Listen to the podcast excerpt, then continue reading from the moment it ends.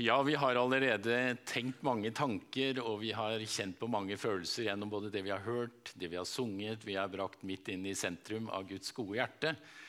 Eh, og, men jeg håper dere er klar for litt til. Vi er altså, Jeg har vært i en serie nå på seks samlinger ut fra første Tessalonikerbrev.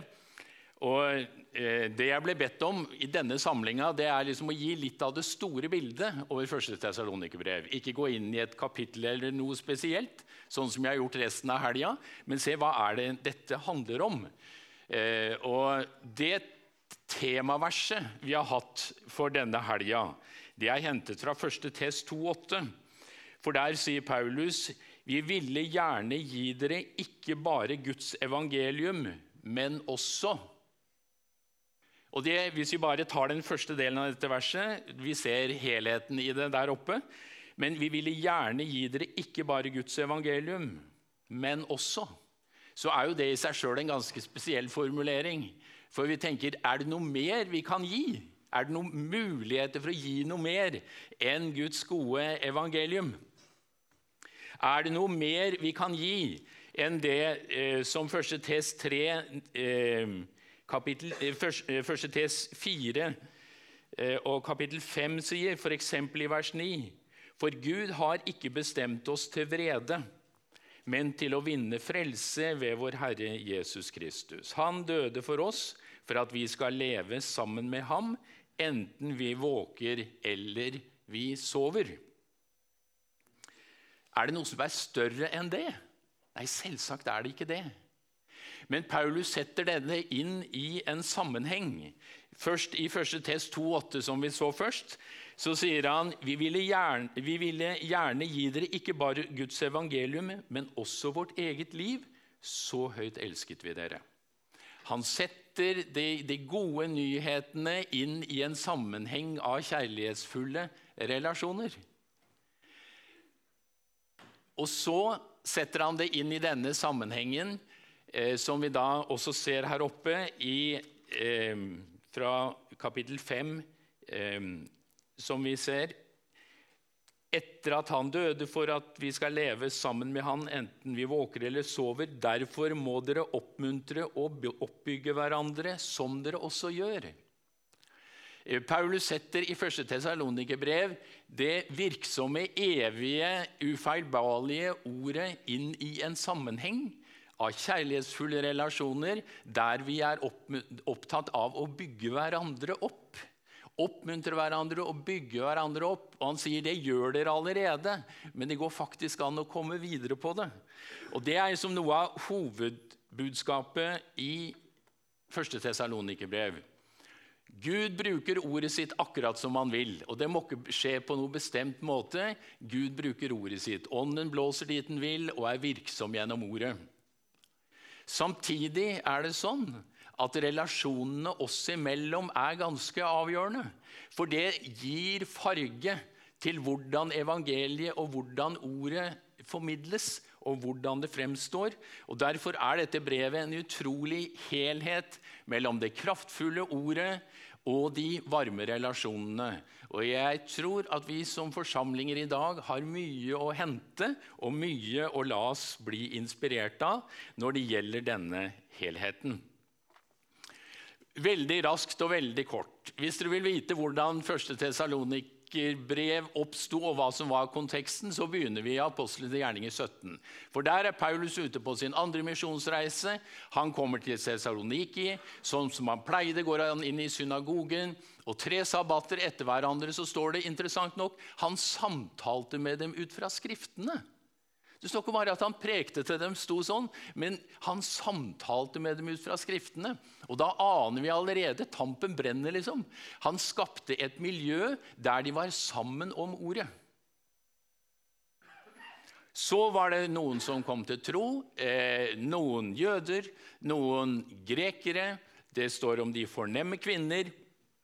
Og dette ble en ny menighet. En forsamling der i Tessaloniki, en by på 200 000 mennesker som lå på hovedveien mellom øst og vest. Paulus var alltid strateg. Han visste kunne evangeliet prege folks arbeidsliv, handel, næringsliv og det hele. Så ville det bre seg sånn som det også gjorde. Men det var en del jøder som ikke likte dette, så de kjeppjaga han fra Tessaloniki. Han dro til Berøa, og der skjedde det også gode ting. Mennesker kom til tro. Men forsyne meg, disse samme jødene kom halsende etter, så han også måtte rømme fra Berøa. Og endte opp i Aten.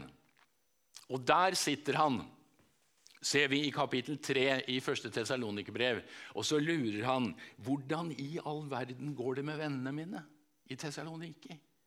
De som jeg samtalte med om ordet, de som jeg så komme til tro, de som vokste, de som ble starten på en bevegelse av nye mennesker som kom til tro. Hvordan går det med dem? Det skulle vel ikke, som det står i vers 5.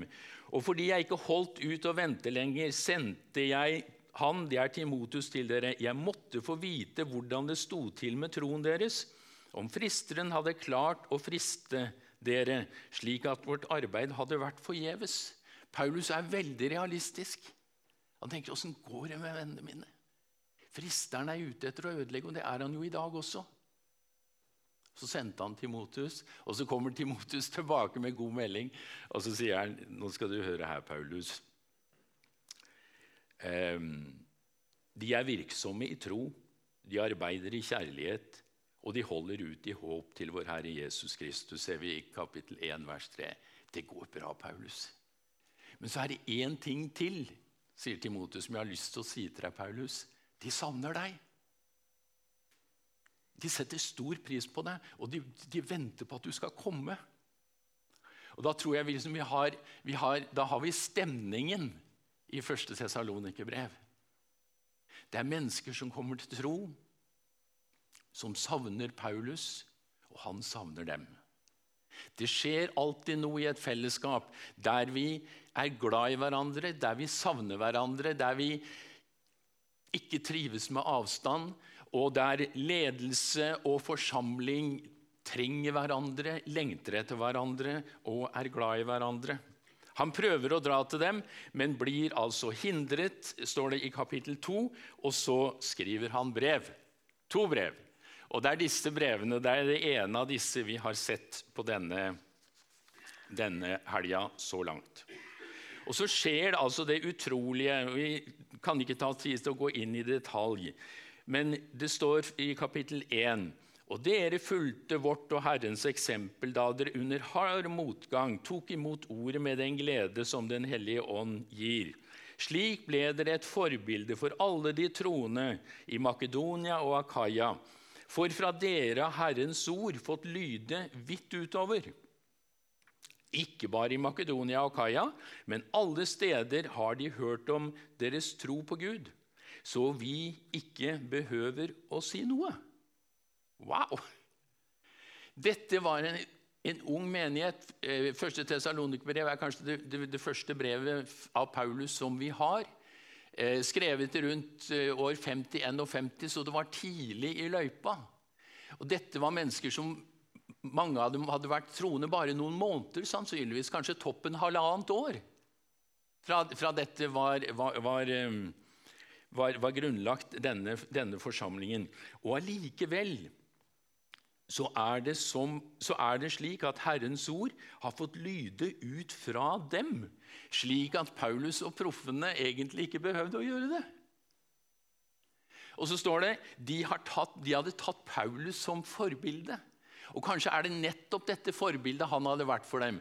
Han som var der med sin godhet, sitt nærvær, sitt engasjement og sin kjærlighet. Og samtalte med dem ut fra Skriftene, der det ble skapt denne rammen og dette miljøet for at evangeliet kunne få bre seg. Ehm, og hva kan vi lære av denne spesielle historien? For det er jo det vi drømmer om. Vi drømmer jo om at evangeliet skal spre seg gjennom vanlige folk som oss. Og de var ikke noe spesielle, disse. De var Jesu barn, de var Guds barn, de var Jesu venner. Og jeg, Når jeg har tenkt på det, så har jeg lyst til å dele noen få tanker under tre overskrifter. Jeg tror det er sånn, og jeg tror det er det første Tess viser oss, og denne menighetens eh, tilblivelse og raske utvikling. Og det er følgende Når vi vet hvem vi er, og når vi vet hvor vi skal, da får vi også nåde til å gjøre hva vi bør. Jeg vokste opp med noen sånne bøker som kommer ut hvert år, som het 'Hvem var hvor'. Jeg vet ikke om noen av dere har dem. Jeg har en haug av dem hjemme. Jeg vet ikke hva jeg skal gjøre, men de tar så stor plass. Hvem, hva, hvor? Men jeg tror ikke det er en god rekkefølge i troens liv.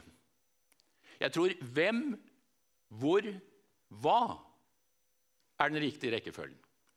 For når vi vet hvem vi er, altså identiteten vår, og når vi vet hvor vi er på vei, målet vårt, da finner vi ut av hva vi skal gjøre her og nå. Og så får vi bare fosse gjennom noen tanker rundt det. Men det står i denne rammen hvem, hvor, hva. For hvem er de som han skriver til, og hvem er disse vennene hans? Jo, vi ser det i vers 4. Det er dere er elsket av Gud, søsken. Og vi vet at dere er utvalgt. Det går an å pakke ganske mye inn i noen få ord. Der sier han altså vers 4.: Dere er elsket av Gud. Tenk på Efeserbrevet 1, hvor, hvor, det står at Gud har utvalgt oss før verdens grunnvoll ble lagt i Kristus Jesus, for at vi skulle få rett til å være hans barn ved Jesus Kristus. Før verdens grunnvoll ble lagt, og det er en stund siden, så tenkte Gud på hver enkelt en av oss. Han ga oss en identitet, hvem vi er som elsket av Gud. Og for det andre så sier han dere er søsken. 27 ganger brukes uttrykket 'søsken' i 1. Tesalonikerbrev. Det er et søskenbrev. Og i kapittel 4.9 eh, så står det om søskenkjærligheten trenger vi ikke skrive til dere. Så dette er en familie. Det er en familie med Gud som far, og det er relativt nyfrelste mennesker som er søsken i troen, som er underveis sammen. Og jeg tror Hele identiteten vår den står veldig på spill i ei tid der veldig mange av oss kjenner presset av å være flinke, og jeg tror særlig unge mennesker kjenner presset av å være flinke, være pene, være veltrente, gjøre det bra på skolen og helst ha mange likes på Facebook. Og Jeg bruker Facebook. Jeg har 3000 venner. Jeg tror det er flott med Facebook. Det er et utrolig verktøy for å kunne holde kontakt, så jeg snakker ikke det ned. Men når ting skal være så sykt bra, eller helt sjukt bra, som det heter, da er det noen som blir sjuke. Det er et utrolig press på vår identitet og hvem vi er. Så møter jeg en av dere, og så skal jeg presentere meg. Så spør, så spør jeg kanskje hvem er du? Vet du hva, du, Sjansen er ganske stor. Du forteller jo om jobben din. Vi er hva vi gjør, blir det veldig lett. Men du er, du er ikke det du gjør. Jeg er ikke det jeg gjør. Jeg er et menneske skapt i Guds bilde, frelst av bare nåde, en Jesu disippel som søker å finne en måte å leve på. Derfor så er hvem vi er, det er liksom hele grunnlaget. Og vi, vi merker det, hvor, hvor sterkt det er. Her er vi søsken. Og i den grad vi, vi liksom lever i denne tanken, i dette bildet, så tror jeg vi, vi, vi følger i fotsporene til de vi nå nettopp leste om.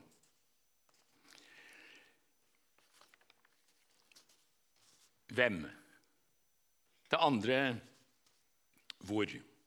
Det er ikke noe brev i Nytestamentet som taler så sterkt og entydig om Jesu gjenkomst som akkurat første Tessalonikerbrev.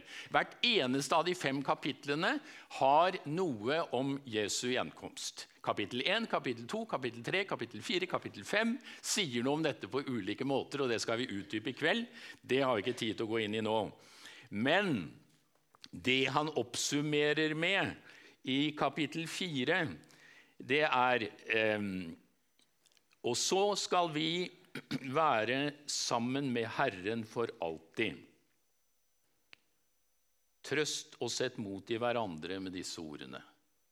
For noen kan Jesu gjenkomst være skremmende og fryktinngytende. Men når han her i, kapittel 4 liksom utmaler litt om rekkefølgen og hvordan ting skal skje, så sier han trøst og sett mot i hverandre med disse ordene.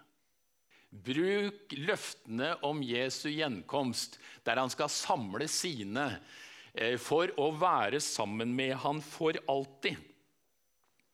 Og første Johannes brev, der sier Johannes, han som lå med hodet inntil Jesu bryst under det siste måltid, hadde skjønt noe av hans kjærlighet, kanskje dypere enn noen av de andre.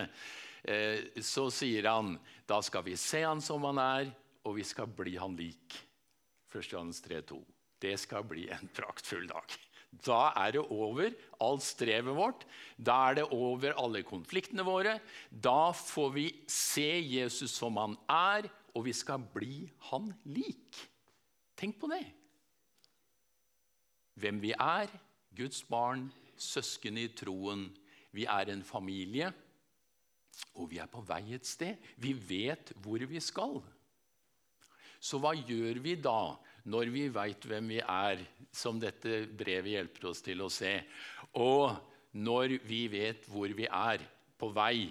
Og det, det interessante er jo når vi tenker på Efeserbrevet 4,6, eh, 2,6, så, så sier Paulus at Gud har allerede satt oss i himmelen sammen med Kristus Jesus. Så dypest sett så er vi framme allerede. Vi sitter allerede i himmelen sammen med Kristus Jesus, sier Paulus i Feserbrevet 2. Vi er allerede framme, vi sitter der. Men samtidig så sitter vi på benker i Kristiansand med vår doble adresse, og vi sitter her med hensikt. Fordi vi vet, Hvis vi veit hvem vi er, og hvis vi veit hvor vi skal, så vil vi ikke komme dit aleine. Da vil vi ha med flere. Og Det er det dette brevet handler om. Hva vi driver med, vi som har fått den utrolige identiteten. Og som får lov til å være på vei et sted. Og som ikke behøver å bruke krefter og frykt på å lure på hvor dette går. Sånn som det skjer hvis det heter 'hvem, hva, hvor'. Da vi strever med med identiteten vår, og så prøver vi å finne og famle ut hva gjør vi her nå, og så får vi se hvor vi havner hen. Det er hvem, hva, hvor. Men vi er hvem, hvor, hva. Fantastisk perspektiv som dette brevet Om ikke annet så håper jeg dette kan gi dere nysgjerrighet på å dukke ned i første Tessalonikerbrev, og gjerne det andre òg. Det er et fantastisk brev om å være underveis. Eh, noen eh, enkle tanker om hvordan kan dette se ut. Jeg tror allerede i 1. TS 2, eh, 7-8, så har Paulus satt ord på det. Ordet formidles i kjærlighetsfulle relasjoner fordi vi deler av vårt liv med hverandre. En del av jobben min det er de baltiske statene. Eh, og eh, der har jeg reist i mange år. Eh, og en middelaldrende kvinne i et av disse landene hun hadde en meget krevende livsstil, for å si det mildt. Hun har vært en god venninne i ni av de ti årene jeg har reist i dette landet. Hun har vært konsekvent negativ overfor kristen tro. Vi har vært på bilturer i Norge, og jeg veit ikke hva vi ikke har gjort sammen.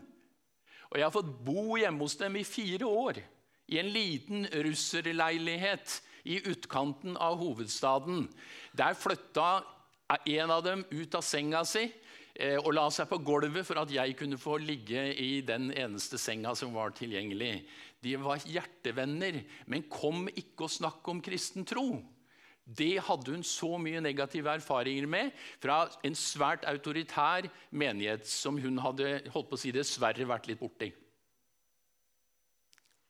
Så skjedde underet sommeren for eh, snart to år siden.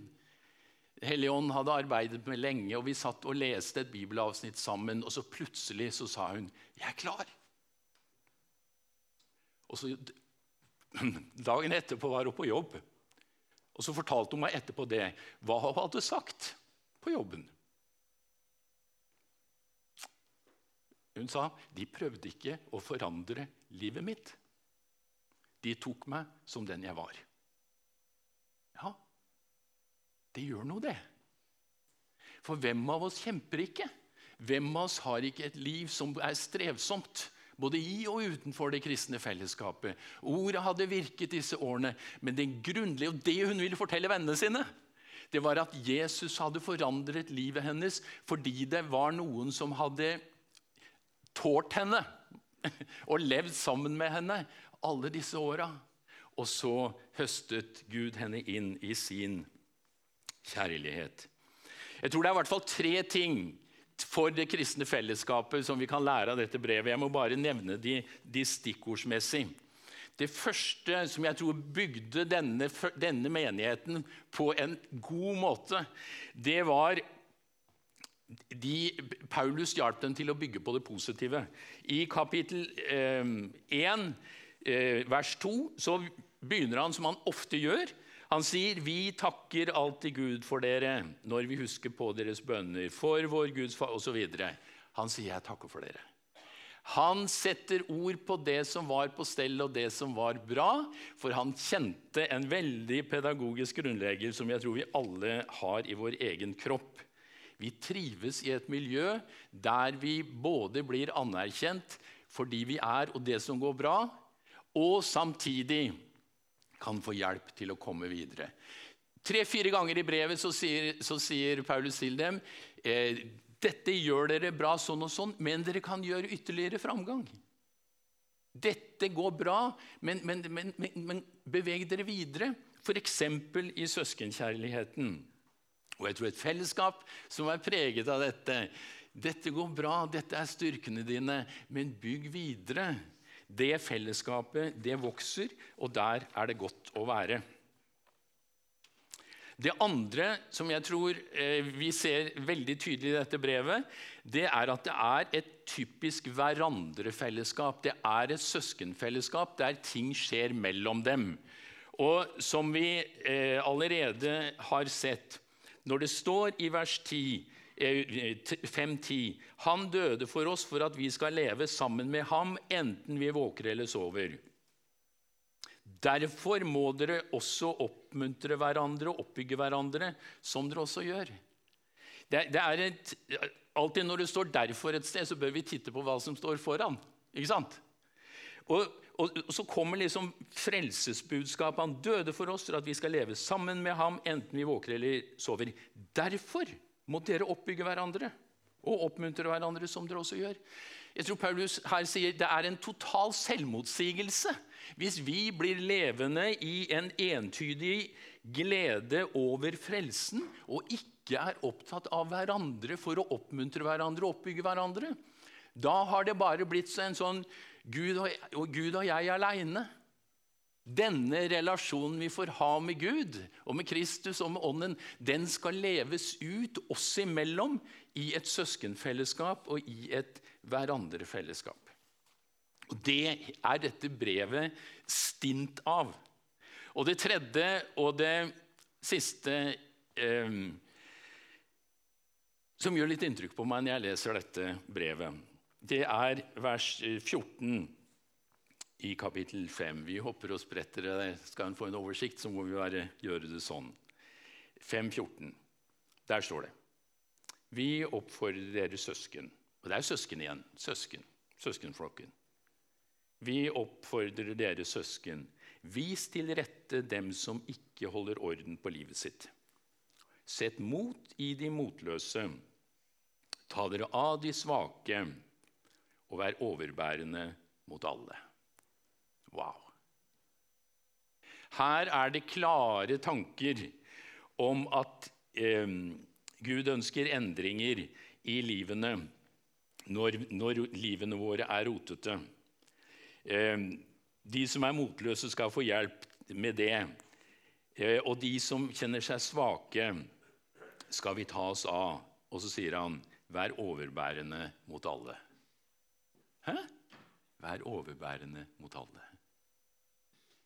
Er det noen av oss som trives i et miljø der vi merker at vi blir møtt med overbærenhet? Hvor vi kjenner at 'jeg kan få være meg' med alt jeg har av det ene og det andre. Men her er det plass for meg. Her møter jeg både evangeliet, som sånn sett er overbærende og møter meg i det jeg er, og jeg får lov til å være underveis. For livet er krevende for oss alle. Derfor så trenger vi denne måten å bli møtt på.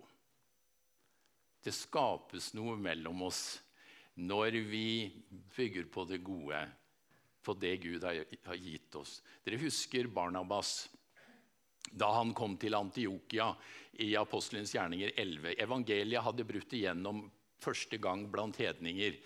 Og Da tenkte de det var på høy tid med å sende, altså foreta et visitas. Så de sendte en fra Jerusalem ned til Antiokia. Første gang dette hadde skjedd blant hedninger, for de måtte se var dette ekte greier. Og så står det om Barnabas, som heldigvis ble sendt. Jeg er glad de ikke sendte en annen personlighetstype. Eh, en, en litt sånn Ja, jeg skal ikke si noe om det. Men i hvert fall, da står det at da Barnabas kom dit og fikk se Guds nådes gjerning, så blei han glad. Og så sa han, 'Gi gass, folkens. Stå på. Dette backer jeg.' Det er nytt. Det har aldri skjedd før. Jeg har aldri vært med på det før, men stå på. Dette er et uttrykk for Guds nåde. Og jeg har merket i mitt eget liv og i min egen familie og i så mange menighetsfellesskap, og særlig i de baltiske statene, der en har lært seg til å ikke stole på hverandre. Det var den første setningen jeg lærte. I don't trust him. I can't trust them. Fordi de hadde over 50 år med å måtte se seg tilbake. Det å bygge, bygge tillit. Men når vi gjør som Barnabas og prøver å ta nåden på fersken i hverandres liv og i fellesskapet, hjelper meg, det er godt å være oss. Og den type fellesskap tiltrekker nye mennesker. Ehm, husker, og hva er vi da som forsamling skal vi si, kjent for? Eh, og det vil jeg tro er mange ting. Jeg håper det er fordi eh, det gjøres mange gode aktiviteter her, og det vet jeg. Men jeg tror også at aktivitetspresset travelheten her som alle andre steder kan være krevende. Og jeg husker godt for en del år siden da en, en ikke-kristen nabo sa til meg Ole Magnusson, jeg, jeg har noen ganger tenkt på å bli en kristen, men jeg ser hvor travel du er, så vet jeg ikke om jeg ville få tid til det.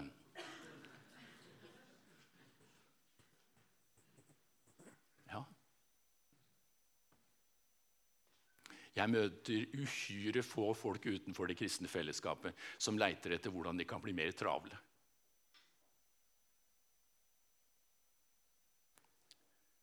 De fleste henger i stroppen, så det holder, altså. Jeg tror derfor at første test leder oss inn i en annen måte å tenke på. Aktiviteter vel og bra, men fører det til søskenfellesskap, til nærhet, der vi tror på hverandre, der vi backer hverandre, der vi bærer over med hverandre, og der det er høy tabbekvote, der vi er ute etter å ta nåden på fersken i å gjøre noe i oss og mellom oss, istedenfor bare å være i farta. Jesus ga oss en veldig klar tanke. Han sa, 'Derpå skal alle kjenne at dere er mine disipler, om dere har innbyrdes kjærlighet.' Han gjorde det veldig enkelt for oss. Han sa at disippeltrekket mer enn noe annet det er at dere er glad i hverandre. Og så får det se ut på ulike måter, og vi har ikke tid til å gå inn i det. Og Johannes 17, når Jesus ba for sine venner like på oppløpssida, som dere vet, så ba han om at de skulle være ett og de skulle elske hverandre. For, sånn, for da vil verden skjønne, og da vil verden tro. Wow! Vi leter etter Guds bevis, og vi jobber med eh, apologetikk. og la oss gjøre det. Men, men, Jesus sa det er et utrolig enkelt svar på det dypeste og det dype hvem Jesus er. Da vil verden tro, hvis dere elsker hverandre. og sannsynligvis noe av det sterkest avkristnende fenomen vi har i landet vårt, er ikke sekulariseringen. Den såkalte. For da snakker vi hele tiden om dem. De som må forandre seg.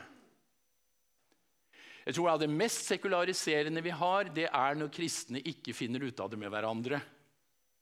Og det tyter konflikter ut. Jeg husker godt da han yngste sønnen vår var fire-fem år gammel, så væra han når det var bister stemning mellom Kari og meg. Og så hadde han jo noen veldig gode naboer. De er døde nå, dessverre. Og så hendte det, når det var litt sånn uoppgjort og bistert hjemme hos oss, så sklei Ole Andreas ned av stolen, og så sa han Jeg tror jeg går inn til naboen, jeg. Da visste vi at da hadde vi noe å snakke om. Da visste vi at det var noe på ferde. Det var dårlig luft. Det var dårlig stemning. Han sa jeg tror jeg prøver hos naboen. Og det hender det at folk sklir ned av forsamlingsstolen eller bedehusstolen eller menighetsstolen eller hva slags stol det er, og sier jeg lurer på om jeg skal prøve et annet sted. Det er litt tjukk luft her. Og når en får glidd ned av noen sånne stoler, så slutter en å klatre opp på stoler. Da tenker en så gir en opp det der. Derfor så er vi her for bare å gi en, noen ytterst små streker av et viktig brev som handler om å være søsken underveis med en god far på vei til et sted. Og jo mer vi vi blir, Når det går an å få stappa søskenordet 27 ganger inn i dette korte brevet, og når det så mange ganger snakkes om Gud som far, så aner vi hva det handler om. La meg avslutte med en historie som er sann. Det er en som heter Clairborn, eh, som drev et arbeid blant vanskeligstilt ungdom eh, i inner city av Philadelphia i USA. Det var på den tid et av de mest kriminelle stedene i USA, og det var beintøft. Og Der drev Clairborn et, eh, et arbeid blant vanskeligstilt barn og ungdom. Fattige var de, lite penger hadde de. Så hadde en guttunge jeg, sånn som jeg husker det, så var han åtte år, en guttunge hadde bursdag. Og de hadde ikke mye å rutte med i det der opplegget. Altså. Så Clairborn og ledelsen kjøpte en is til denne gutten og ga gutten denne isen. Og det forventede da De fikk ikke mye is der, altså. Så det forventede der ville vel være at han stakk rundt et hjørne og koste seg med isen sin, den velfortjente gaven. Men vet du hva han gjorde? Han sa, 'Stell dere opp, unger!' På ei lang rekke. Og så ga han isen til den første. Og så stelte han seg sjøl i den andre enden. Og så sa han, 'Vi har fått is'. Og hva som var igjen da det kom til ham, det vet jeg ikke. Men vi har fått is. Ikke jeg har fått is, men vi har fått is. Ja, hver enkelt en av oss har fått ta imot Jesu Guds frelsende nåde som enkeltindivider. Det skjer ikke kollektivt, og det skjer ikke forsamlingsmessig. Det er det bare hver enkelt en av oss som kan få ta imot i bare nåde. Men hvis det ikke derifra utvikles et søskenfellesskap og et vi-fellesskap, så tror jeg vi kan skyte en hvit pinne etter det vi så gjerne vil, nemlig den folkebevegelsen som vi så utvikle seg i Tessaloniki. Helt vanlige folk Og så er det mye vi kunne snakket om ut fra dette, men nå er nå disse minuttene gått. Vi har fått is. Vi har fått nåde.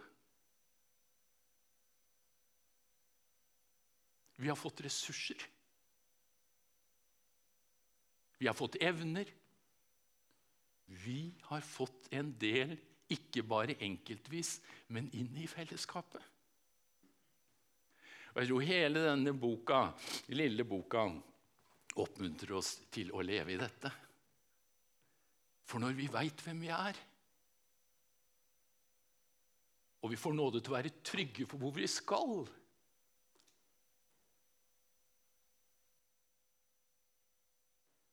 så tenker vi på hvordan vi kan bygge gode relasjoner både i fellesskapet og utad. For ordet trives best i kjærlighetsfulle relasjoner. Amen.